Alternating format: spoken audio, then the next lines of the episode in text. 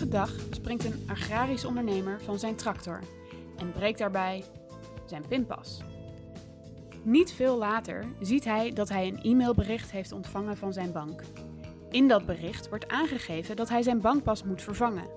Via de link in het mailbericht vraagt de ondernemer een nieuwe bankpas aan. Een paar dagen later logt de ondernemer in op zijn bankrekening en ziet dat 215.000 euro die op zijn bankrekening stond, is verdwenen.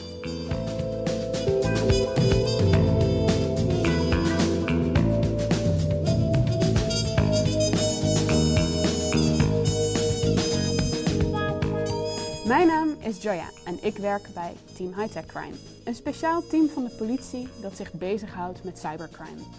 In deze podcastserie ga ik jullie meenemen in het onderzoek VARI. Dit onderzoek stond geheel in het teken van phishing. Op vrijdag 17 mei 2019 deed de rechtbank uitspraak in onderzoek VARI. De hoofdverdachten zijn veroordeeld tot vijf jaar gevangenisstraf. Dit is een van de hoogste straffen die tot nu toe in een phishingzaak door de rechtbank is opgelegd. In de uitspraak zegt de rechtbank het volgende over phishing. De potentiële schade en maatschappelijke impact van phishing is enorm. Daarbij komt dat het een relatief veilige vorm van criminaliteit is, waarbij verdachten zich vaak kunnen verschuilen achter een web van digitale versluieringen en daardoor heel moeilijk te traceren zijn. Maar wat is phishing? Hoe verloopt een rechercheonderzoek naar phishing? En hoe kan je het beste tegen phishing wapenen? Daar gaan we het in deze podcastserie over hebben.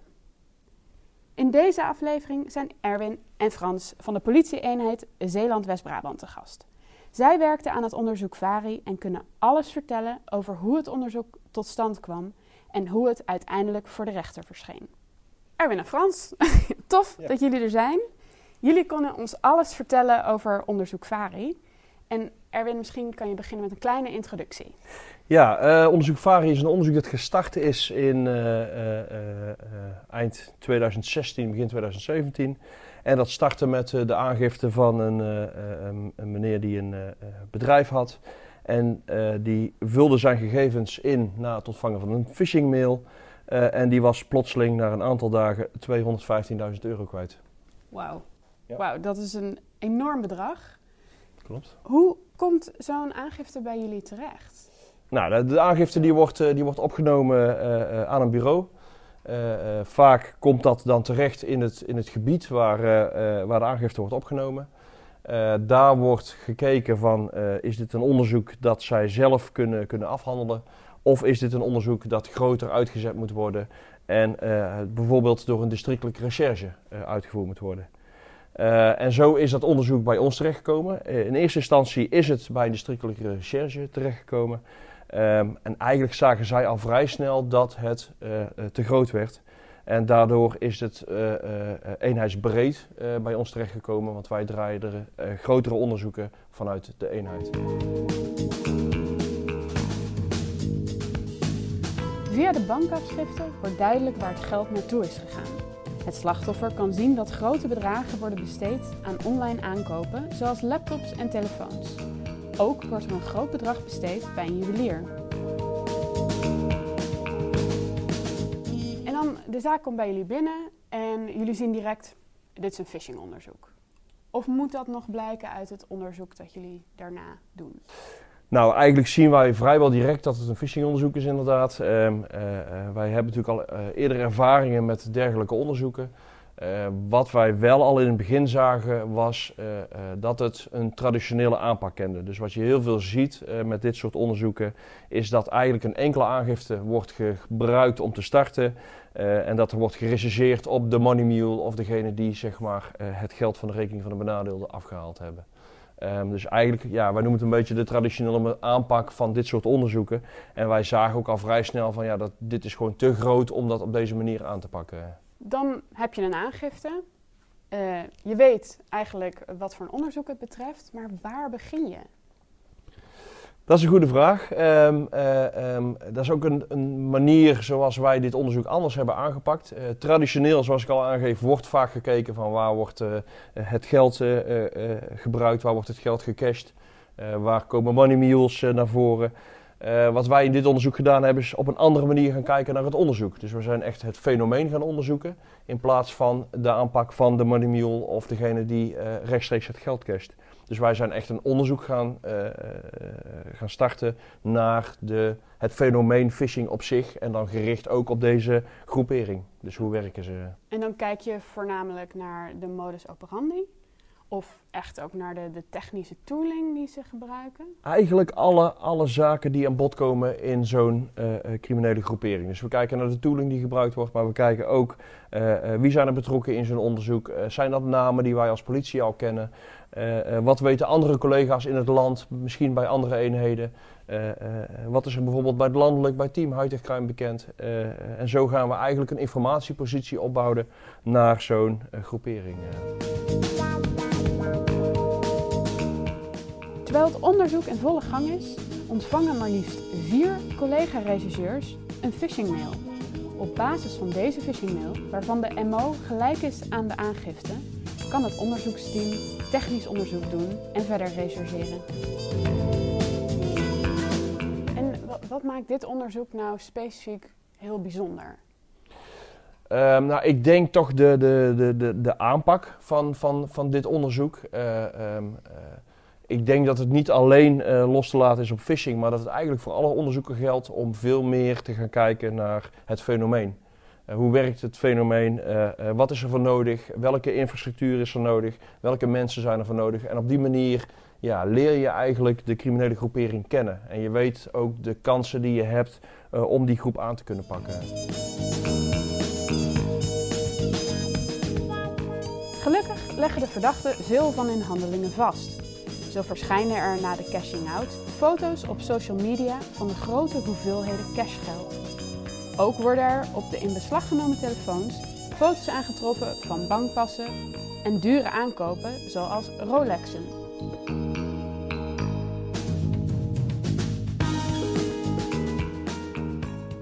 Wat mij opviel is dat niet alleen uh, de mules, hè, dus de, de cashing out, eigenlijk heel goed in kaart werd gebracht maar ook de, de leiders eigenlijk achter deze uh, groepering. Is dat uniek voor, uh, voor phishingonderzoeken? Ja, op phishinggebied zeker. Um, uh, wat we gewoon heel veel zien, zoals ik al eerder aangaf, is toch echt de manier zoals dat de money mule wordt aangepakt. Um, en eigenlijk um, zijn zij ook niet altijd op de hoogte wie de boel aanstuurt. En, ja. en wie, wie de leidinggevende rollen een beetje hebben in zo'n organisatie. Um, alleen het is juist heel moeilijk om in de kern van zo'n organisatie te komen. En dat is ook wel een dilemma waar, je, ja, waar wij als opsporing vaak, uh, vaak tegenaan lopen.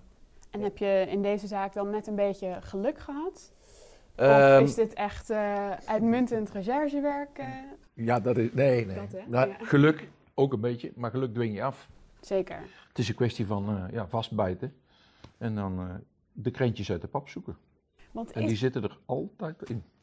Ja, want is dit nou echt een hele andere zaak dan een klassiek rechercheonderzoek naar bijvoorbeeld uh, drugsdelicten? Helemaal niet. Helemaal niet. Want ik, ik kom uit de drugsdelicten, ik kom uit de moord en doodslag en ik word op enig moment uitgenodigd om aan te schuiven bij een phishingonderzoek. Ik vond het niet eens een sexy woord, zou ik maar zeggen. Dus, maar ik, voor mij was het toch van, wat moet ik daar gaan doen? Ja.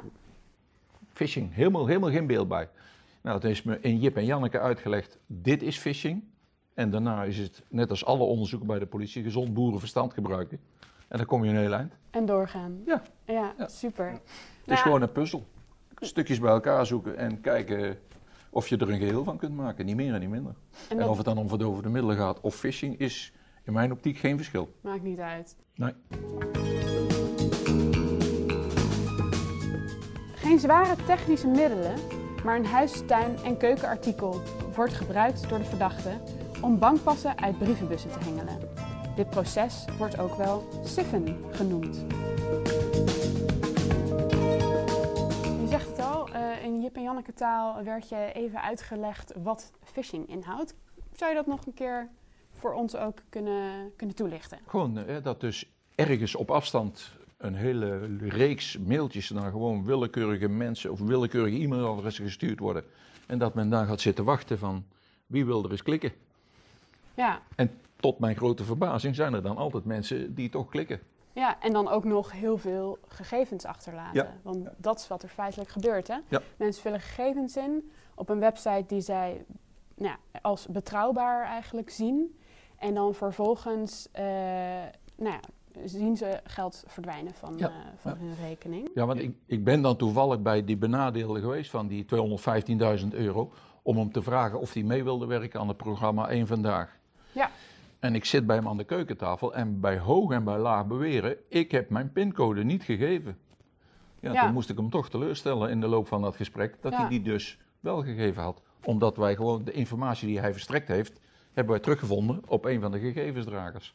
Ja, dat Maar is ook het is- het stukje social engineering. Hè? Ja, heel geraffineerd, zeg maar. Eh, eh, dat, dat zie je toch in deze wereld. Eh, wat ze doen, bijvoorbeeld, is de druk opbouwen. Dus ze sturen een phishing mail, daarin staat bijvoorbeeld... eh, eh, re- reageer binnen twee weken, anders moet u 25 euro of 50 euro betalen.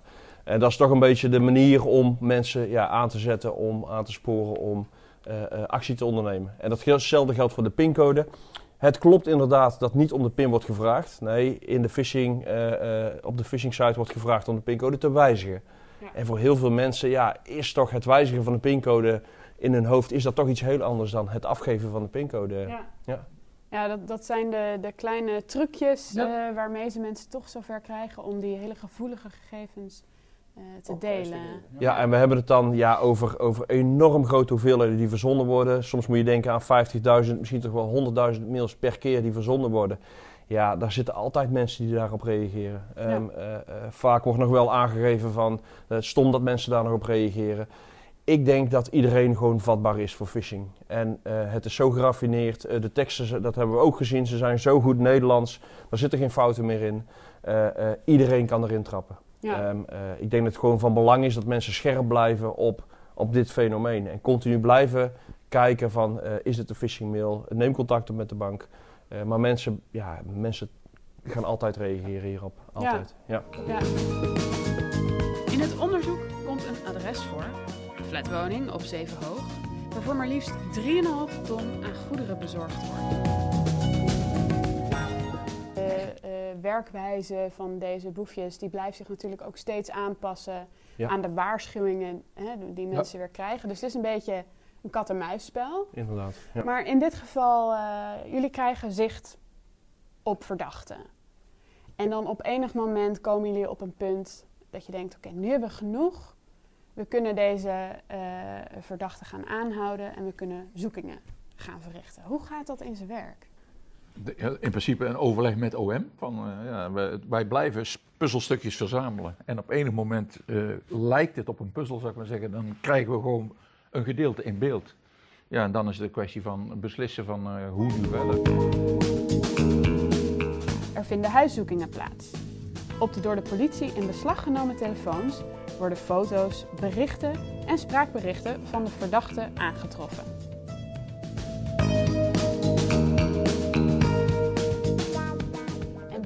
Waar blijkt dan uit dat het toch ineens eigenlijk veel groter nog is dan jullie hadden voorzien?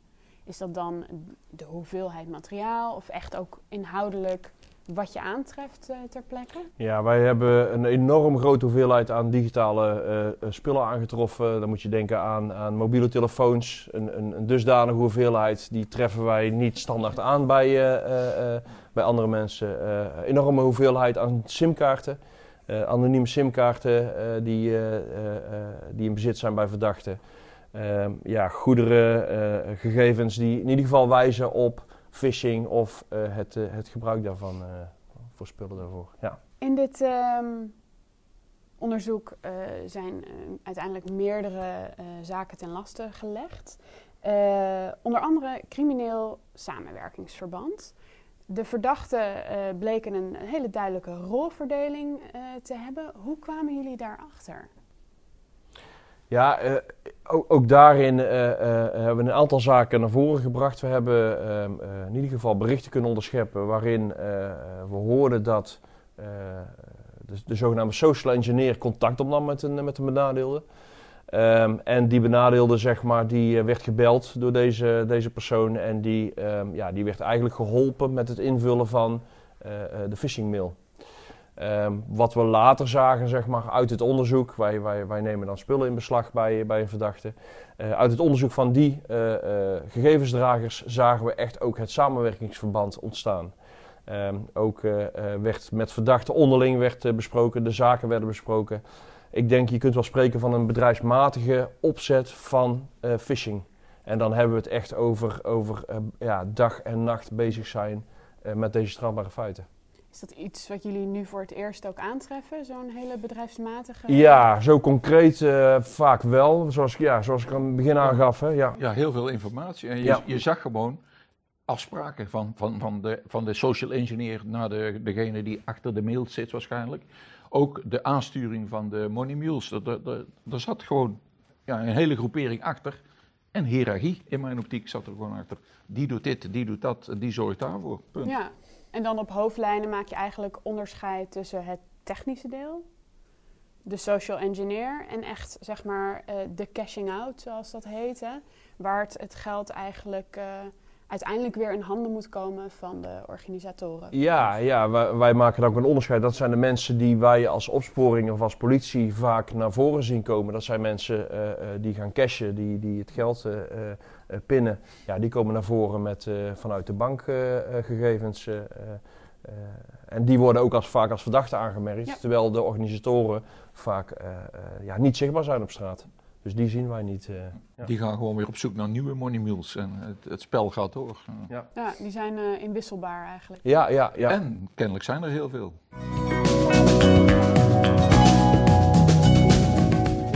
de telefoon van een van de verdachten wordt een Bitcoin wallet aangetroffen. Deze blijkt een waarde te hebben van bijna 2 ton. Als je phishing zou moeten vergelijken met uh, de, de, wat meer klassieke vormen van uh, criminaliteit, hoe erg is phishing? Moeten we ons hier nou echt als maatschappij heel erg druk over maken? Moet ik ervan wakker liggen? Ja, het heeft een enorme, een enorme impact op, op uh, het vertrouwen in ieder geval in de bankwezen bank, natuurlijk. Maar vergeet ook niet uh, alle informatie die zo'n groepering zeg maar, uh, onder controle krijgt. Gebruikersnamen, wachtwoorden, e-mailadressen. Ja, tegenwoordig maakt dat, is dat gewoon de kern van, van, van het dagelijks leven. als je dat kwijt bent of als het in handen is van criminelen, ja, zij kunnen er alles mee doen. En dat, dat, dat zien wij ook. Wij zien uh, dat bijvoorbeeld ID-kaarten gebruikt worden van anderen. ik geloof dat er zelfs een, een heel interessant boek geschreven is door iemand die, die, die, die, heeft dat zelf meegemaakt. Zijn identiteit was gestolen. daar werden allerlei goederen voor aangeschaft. die continu stonden daar mensen aan de deur om, om te vragen waar, komen die, waar zijn die spullen, waar is het geld. Ja, mensen kunnen daar hun hele leven last van houden. ik denk dat de impact is gewoon enorm. Ja. In deze zaak ging het heel specifiek om phishing gericht eigenlijk ook op, op het bankwezen. Ja. Kennen jullie andere vormen van phishing? Nou ja, goed, dat is, dat is wat, wat ook uh, in dit onderzoek naar voren is gekomen. Dat buiten de banken ook allerlei andere instanties naar voren zijn gekomen. Waaronder uh, uh, het verkrijgen van identiteiten. Nou, dat gebeurde ja. bijvoorbeeld met, met DigiD-phishing. Ja. Ja. ja. en ze vragen dan om een kopie van, van de paspoort of het ID-kaart op te sturen. En zo ja, krijgen ze ook weer uh, identiteit onder controle. Ja. Die ook weer ingezet worden om strafbare feiten uit te, te, plegen in ieder geval. Uh, ja. Nou ja, en het onder controle krijgen van een DigiD-account is een redelijk zorgelijke ontwikkeling, denk Absoluut. ik. Absoluut, uh, ja, ja. Tegenwoordig, uh, ja, alles gaat via het DigiD-account. Dus daar zit enorm veel aan vast. ja, dat kan een behoorlijke inbreuk zijn, een behoorlijke impact op, op een benadeelde. Ja. ja. Ze kregen gewoon een mail hè, om te updaten en om, die werden gewoon gevraagd om een kopie van de ID of de paspoort in te scannen en te sturen. En bij bosjes gingen ze weer. Ja. En dan heb je een hele hoop gegevens van mensen. Ja, dan, dan heb je eigenlijk alles wat je nodig hebt. heb je alles wat je nodig hebt, compleet ja. met burgerservice nummer en al. Ja. En, en wat, wat zijn nou adviezen of tips die jullie uh, mensen kunnen geven die denken... hoe moet ik me hier tegen wapenen? Ja, uh, scherp blijven. Uh, continu, ja, het is heel lastig, maar continu, als er enige twijfel is, probeer contact op te nemen met een bank of met een instantie. Uh, gebruik niet het telefoonnummer uit het berichtje, wat we ook nog wel eens zien dat ze daar ook de mensen in ieder geval proberen mee op te lichten. Nee, maar zorg gewoon dat je contact opneemt met de instantie en controleer of de mail inderdaad afkomstig is van de bank of instantie. En het element tijd hè, wordt vaak eigenlijk misbruikt in zo'n ja, mailtje. Ja, druk. Dus uh, op het moment dat een, een bank uh, een, een, bericht stuurt waar heel veel tijdsdruk in zit, dan kan je er bijna al van uitgaan uh, dat het phishing betreft? Ja, dat, dat, eh, dat meestal wel. Eh, maar alsnog zijn er uitzonderingen. Eh, ook, ook ik krijg af en toe wel een mail, een echte mail van de bank. Eh, eh, ook daarvan zeg ik van ja, dan ben je ook continu aan het kijken van is dit een echte mail. Eh, maar ook bij twijfel, ja, neem gewoon contact op met die bank. En vraag in ieder geval van is dit een echte mail van jullie of eh, eh, eh, controleer het gewoon. Ja. Ja. Nou, ik wil jullie heel erg eh, bedanken voor jullie aanwezigheid en jullie toelichting op het onderzoek. En eh, ik hoop dat jullie eh, nog hele vele mooie onderzoeken gaan draaien. ja, dankjewel. Dankjewel.